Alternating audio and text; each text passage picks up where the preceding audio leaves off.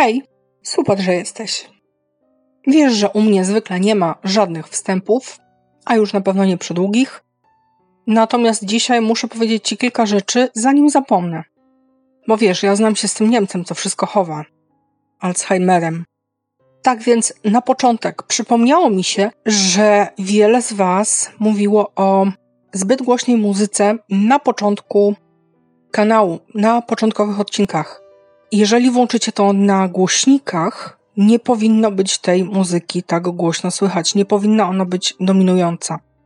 A przynajmniej u mnie nie jest. I póki robiłam właśnie odcinki z głośnikami, a nie ze słuchawkami, to wydawało mi się, że jest ok, natomiast wy zgłaszałyście, że jest za głośno. Spróbujcie włączyć sobie te odcinki nie na słuchawkach, tylko na jakimkolwiek głośniku. Druga sprawa, na kanale Kawa i Ciastki wszedł krótki filmik 7-minutowy łączący Ronaldo, Beatę Kozidrak i Kole. Więc jeżeli lubisz nietypowe połączenia podane na szybko, to zapraszam. A najnowszym odcinkiem jest odcinek o cenzurze. I w związku z tym jest taka sprawa. Mówię w tym odcinku o cenzurze, która spotkała mnie jako twórcę True Crime z ust, no w tym wypadku z monitora, innych twórców kanałów kryminalnych. Wiem, że może teraz niektóre z Was się zdziwiły, ale tak właśnie było. Próbowano mnie uciszyć w pewnych kwestiach. Jeżeli chcesz dowiedzieć się na ten temat więcej, to link do najnowszego odcinka będzie pod tą historią kryminalną, którą zaraz Ci opowiem. A tymczasem przenosimy się w lata 80. XIX wieku w moje strony, a więc do Irlandii. Philip Cross pochodził z Shandyhall w Gypsy w hrabstwie Cork. Jego szlachecka rodzina mieszkała w okolicy Kerry Crohane od 1599 roku. Byli tam znani jako miejscowi dobroczyńcy, którzy ulepszali okolice. Choć ojciec Filipa był już postacią szemraną o nieczystych interesach. Sam chłopiec urodził się w roku 1823 lub 1825.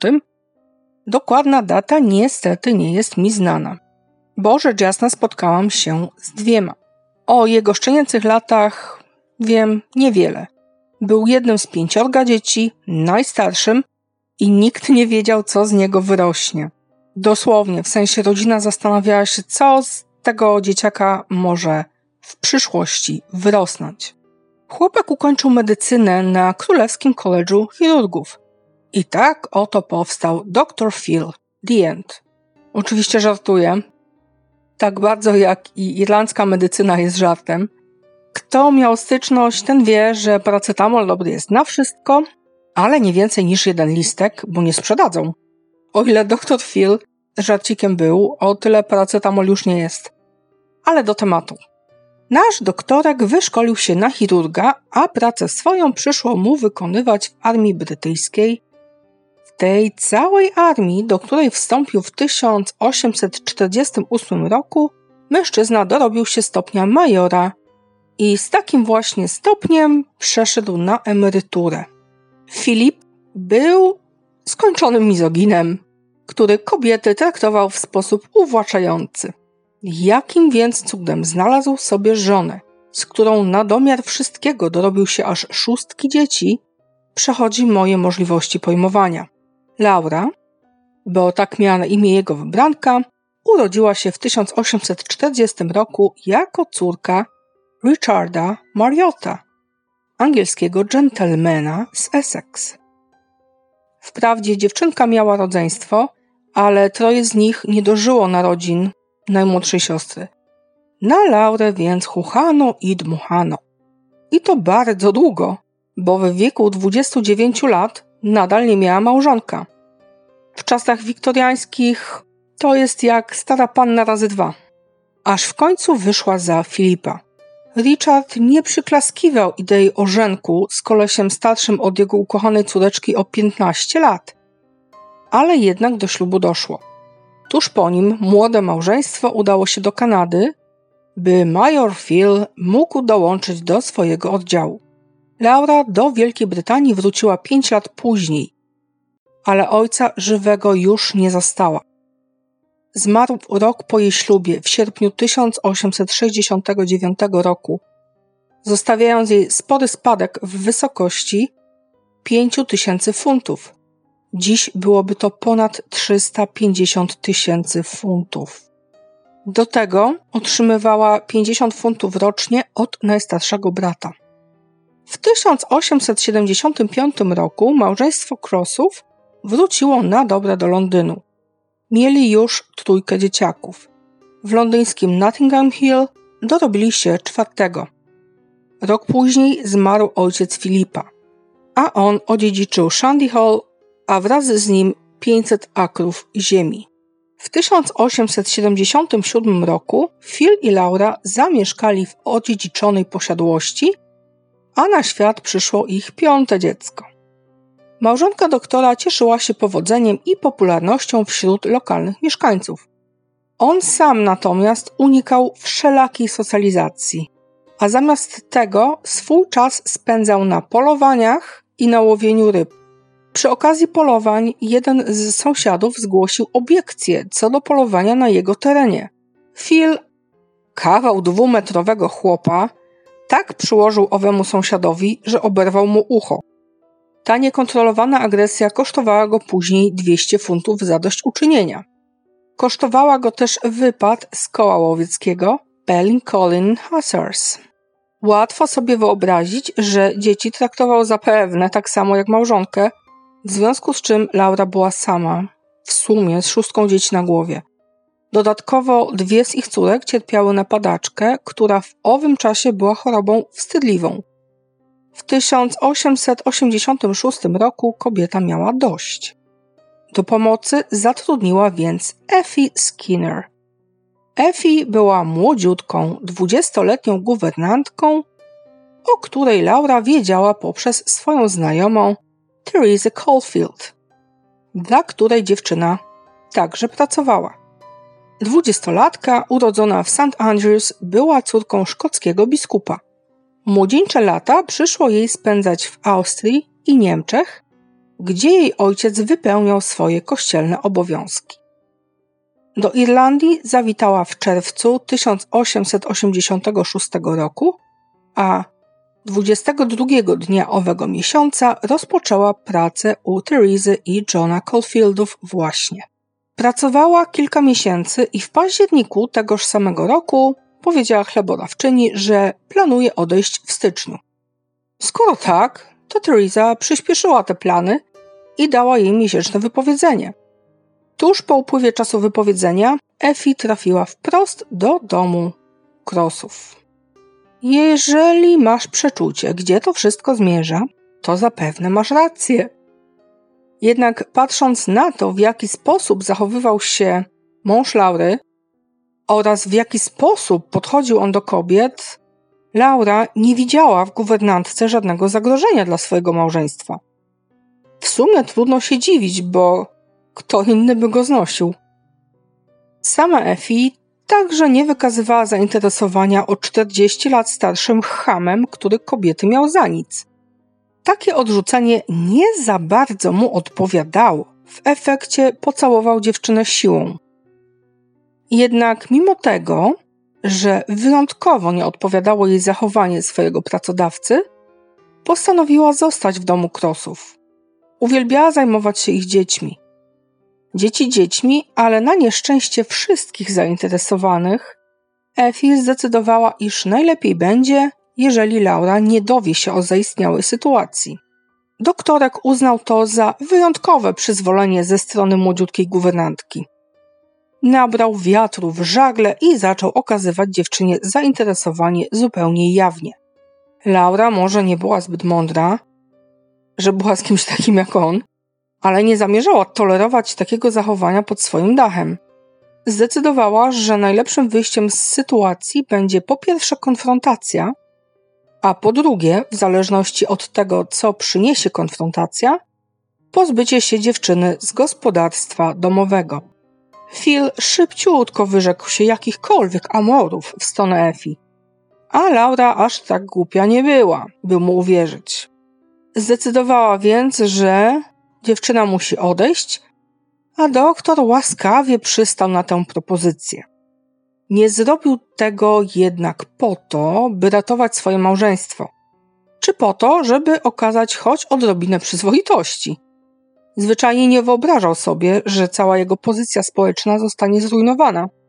Musiał wymyślić więc plan, dzięki któremu uniknie skandalu rozstania, a jednocześnie będzie mógł dobrać się do wszelkich dobrodziejstw młodego ciała opiekunki. Na wstępie przekonał ją, iż małżonka ubzdurała sobie w głowie jakieś niesamowite historie dotyczące właśnie relacji guwernantki i jego skromnej osoby. W związku z tym lepiej będzie, jak Efi odejdzie. W styczniu 1887 roku dziewczyna miała już spakowane manatki. Laura na odchodnym nie tylko zapłaciła za jej podróż do Dublina, bo tam przeniosła się dziewoja, ale też napisała jej referencję. W tym momencie kawał podstępnego manipulatora zaczął pisać do niej listy. Mało tego, dogadali się, że korespondencja będzie kontynuowana, a by Laura niczego się nie domyślała, pisali do siebie pod przybranymi danymi. I tak Filip złowił swoją złotą rybkę na potem. Przy czym z tym na potem nie zamierzał długo czekać. Odwiedzał Efi regularnie i żyli sobie jak mąż i żona. Pewnego dnia, na ten to przykład, przez trzy dni siedzieli w Hibernian Hotel na Dawson Street, a później w LNWR Hotel na Dublin Northwall. Aż w końcu Efi skończyła z brzucha cona. Pod koniec marca małżonka doktorka zaczęła bardzo źle się czuć. Bóle brzucha, wymioty, biegunka, pragnienie. Tym wypełnione były jej dni. Mości małżonek zdiagnozował u niej dur brzuszny. A to ciekawe, bo żadnej gorączki, wyczerpania z powodu innego niż nieprzyjmowanie pokarmów wysypki czy zapalenia spojówek w żadnym opisie nie znalazłam. Jednej ze swych znajomych Laura miała za to powiedzieć, że Filip wykrył u niej chorobę serca. W każdym razie przepisał jej jakieś leki i pilnował, by je zażywała. A to, że bardziej jej szkodziły niż pomagały, przecież o to chodziło, czyż nie? Nie było dobrze, wobec czego Mervinia Jefferson, przyjaciółka Laury, opuściła na chwilę Yorkshire i postanowiła zaopiekować się słabnącą z dnia na dzień koleżanką. Nie przyniosło to niestety żadnych efektów. Mimo pogarszającego się stanu zdrowia Laury, nikt nie kwapił się z wezwaniem drugiego lekarza, by zasięgnąć innej opinii. Jak było już tragicznie, Phil łaskawie wezwał swojego kuzyna, doktora Godfreya z Broomhill. Ale cóż on już wtedy mógł zrobić? Kobieta zmarła 2 czerwca 1887 roku. I cóż się stało dalej? Świeżo owdowiały lekarz osobiście szybciutko wypisał i podpisał akt zgonu i jeszcze szybciej ślubną swą pochował. Spoczęła na cmentarzu Magorny w Coachford 4 lipca. Patrol sąsiedzki nie próżnował i zaczął intensywnie przyglądać się mężczyźnie. Wszak wszystko to wydarzyło się zdecydowanie zbyt szybko jak na ich gust. Filip próbował wyjaśnić, że zrobił to, by wykluczyć ryzyko zachorowania wśród właśnie miejscowej ludności. Pozwolisz, że nie będę się tutaj zagłębiała w różnicę pomiędzy durem brzusznym, tyfusem, a chorobą serca. Miej litość. Dość powiedzieć, że chorym sercem się nie zarazisz, a i salmonellę złapiesz raczej z surowego jajka czy niedopieczonej kury, a na tyfus na bank nie chorowała. To tak w dużym skrócie. Phil nie zamierzał trwać w swej udawanej żałobie. Bohaterka poprzedniego odcinka odczekiwała chociaż kilka miesięcy, ale doktorek? Po piętnastu dniach od pochówku wycieńczonej matki jego dzieci poślubił Efi. Ze ślubiny odbyły się w mieszczącym się przy londyńskim Piccadilly St. James Church. Tak, w kościele, i tak w Anglii.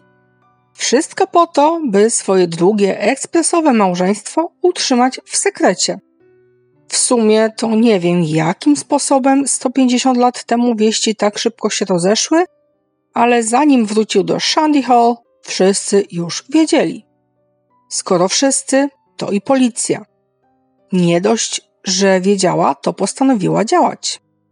20 lipca 1887 roku ekshumowano dębową trumnę z ciałem Laury Cross i przeprowadzono autopsję. Trochę późno, ale lepiej później niż z ręką w nocniku. Dobrze, żartuję. M.J. Morgan, koroner, był postacią, która wydała inspektorowi Tyke zielone światło w kwestii ekshumacji. Same zaś badania przeprowadził profesor Charles Yelverton Person. Mężczyzna był młodym medykiem zatrudnionym przez koronę i stacjonującym w Queen's College w Cork. Po przeprowadzeniu badań okazało się, co następuje. Otóż Laura Cross na żaden dur brzuszny zdecydowanie nie cierpiała za życia. Cierpiała za to na zatrucie. Arszenikiem doprawianym strychniną. Przezorny zawsze ubezpieczony. Jakby tak jedna trutka miała nie zadziałać, to lepiej podawać dwie. A co? Kto doktorkowi zabroni?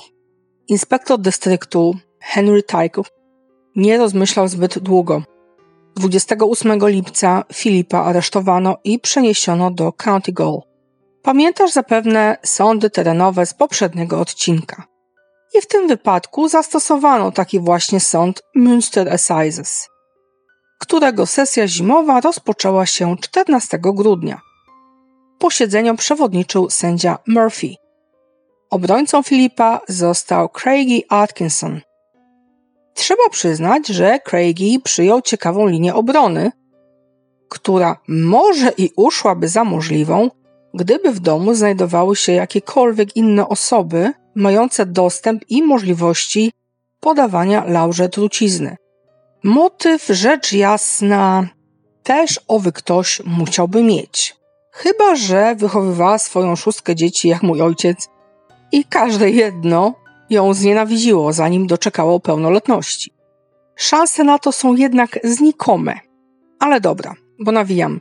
A nie powiedziałam, jaka to owa linia obrony była. Craigie wypunktował wojskową służbę Fila. Skoro doktorek służył na Dalekim Wschodzie, bankowo znał wiele, naprawdę wiele specyfików, które mogłyby serwować za ekspres do niebios bram, a były o niebo subtelniejsze od arszeniku i strychniny. Wobec tego doktorek nie mógł pozbyć się żony w ten sposób, bo mógł w inny.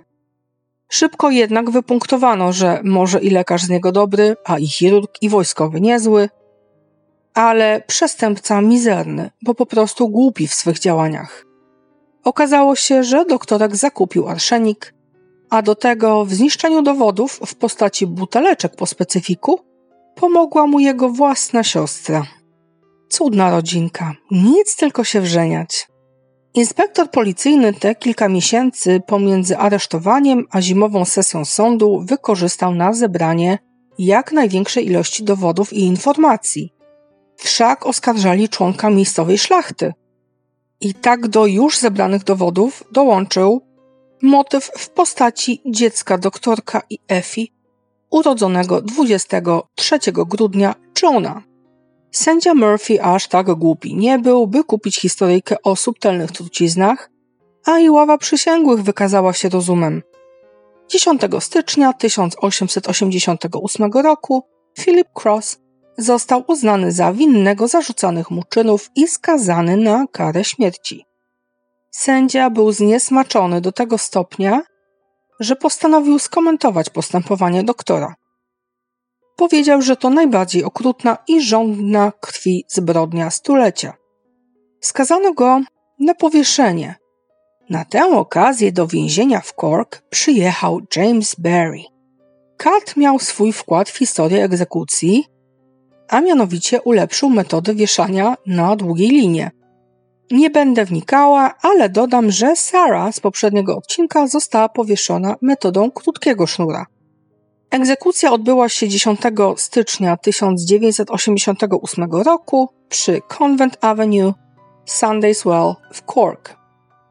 Ale Filip nie zamierzał poddać się karze bez ekscesów. Otóż zwyczajowym było stawianie skazańca przodem do ściany, a tyłem do zgromadzonych gapiów. Ten zaś odwracał się przodem, w kółko i wciąż. James się w końcu zeźlił i zaprotestował, ale doktorek w ramach odpowiedzi nadal się odwracał. Tłum składał się w dużej mierze z klasy wyższej i lokalnej arystokracji, dodającej skazańcowi otuchy. Szkoda, że było dla nich ważniejsze właśnie to dodawanie otuchy niż potępienie tego, w jaki sposób pozbył się małżonki. Ale co ja tam wiem o arystokracji? Koniec końców ktoś powiedział Katowi, by ten skończył szopki z odwracaniem, bo doktorek jest wojskowym w stopniu majora i niech sobie zawiśnie, jak mu odpowiada. James chciał nie chciał, przystał na to, by uniknąć ewentualnego skandalu związanego z wypadkiem przy pracy. Chodziło o to, że Lina mogła się zakręcić, mogła uszkodzić Filipa, zanim pożegnałby się z życiem. Wiadomo, o mordercę należy dbać jako nowonarodzone dziecię, żeby się biedaczek nie przeziębił albo co. Ja nie mówię, że takich typków należy torturować, ale żeby się z nimi cackać ja z jajkiem, to jest przesada. W każdym razie egzekucję udało się wykonać, a James omijał Irlandię jak przeciętna kobieta teściową. Zwyczajnie dał się zastraszyć, a poza tym między Irlandczykami a Anglikami ciągle były i często są jakieś animozje. Nie uśmiechało mu się odwiedzać kraju, gdzie nie dość, że ogólnie był wrogiem z założenia, to jeszcze katem. Zebrał wypłatę i zwiał do domku w angielskim Bradford. Mimo tego, że pisano do niego, by wrócił na posiedzenie śledcze, to ten słodko olał sprawę, żeby nie powiedzieć, że narobił we własne pieluchy i w Irlandii się już nie pokazał. Młodziutka małżonka doktora nie chciała mieć z nim nic wspólnego, odkąd okazało się, że wysłał Laurę do świętego Piotera. I z dzisiejszych opowieści kryminalnych to jest wszystko. Po kody do Empiku zapraszam na maila orchidee i. Mój adres mailowy podany jest oczywiście pod filmem. Należy sobie tylko opis rozwinąć. Tam też, przypominam, znajdzie się link do drugiego kanału, czyli Kawa i Ciastki, bezpośrednio do odcinka o cenzurze.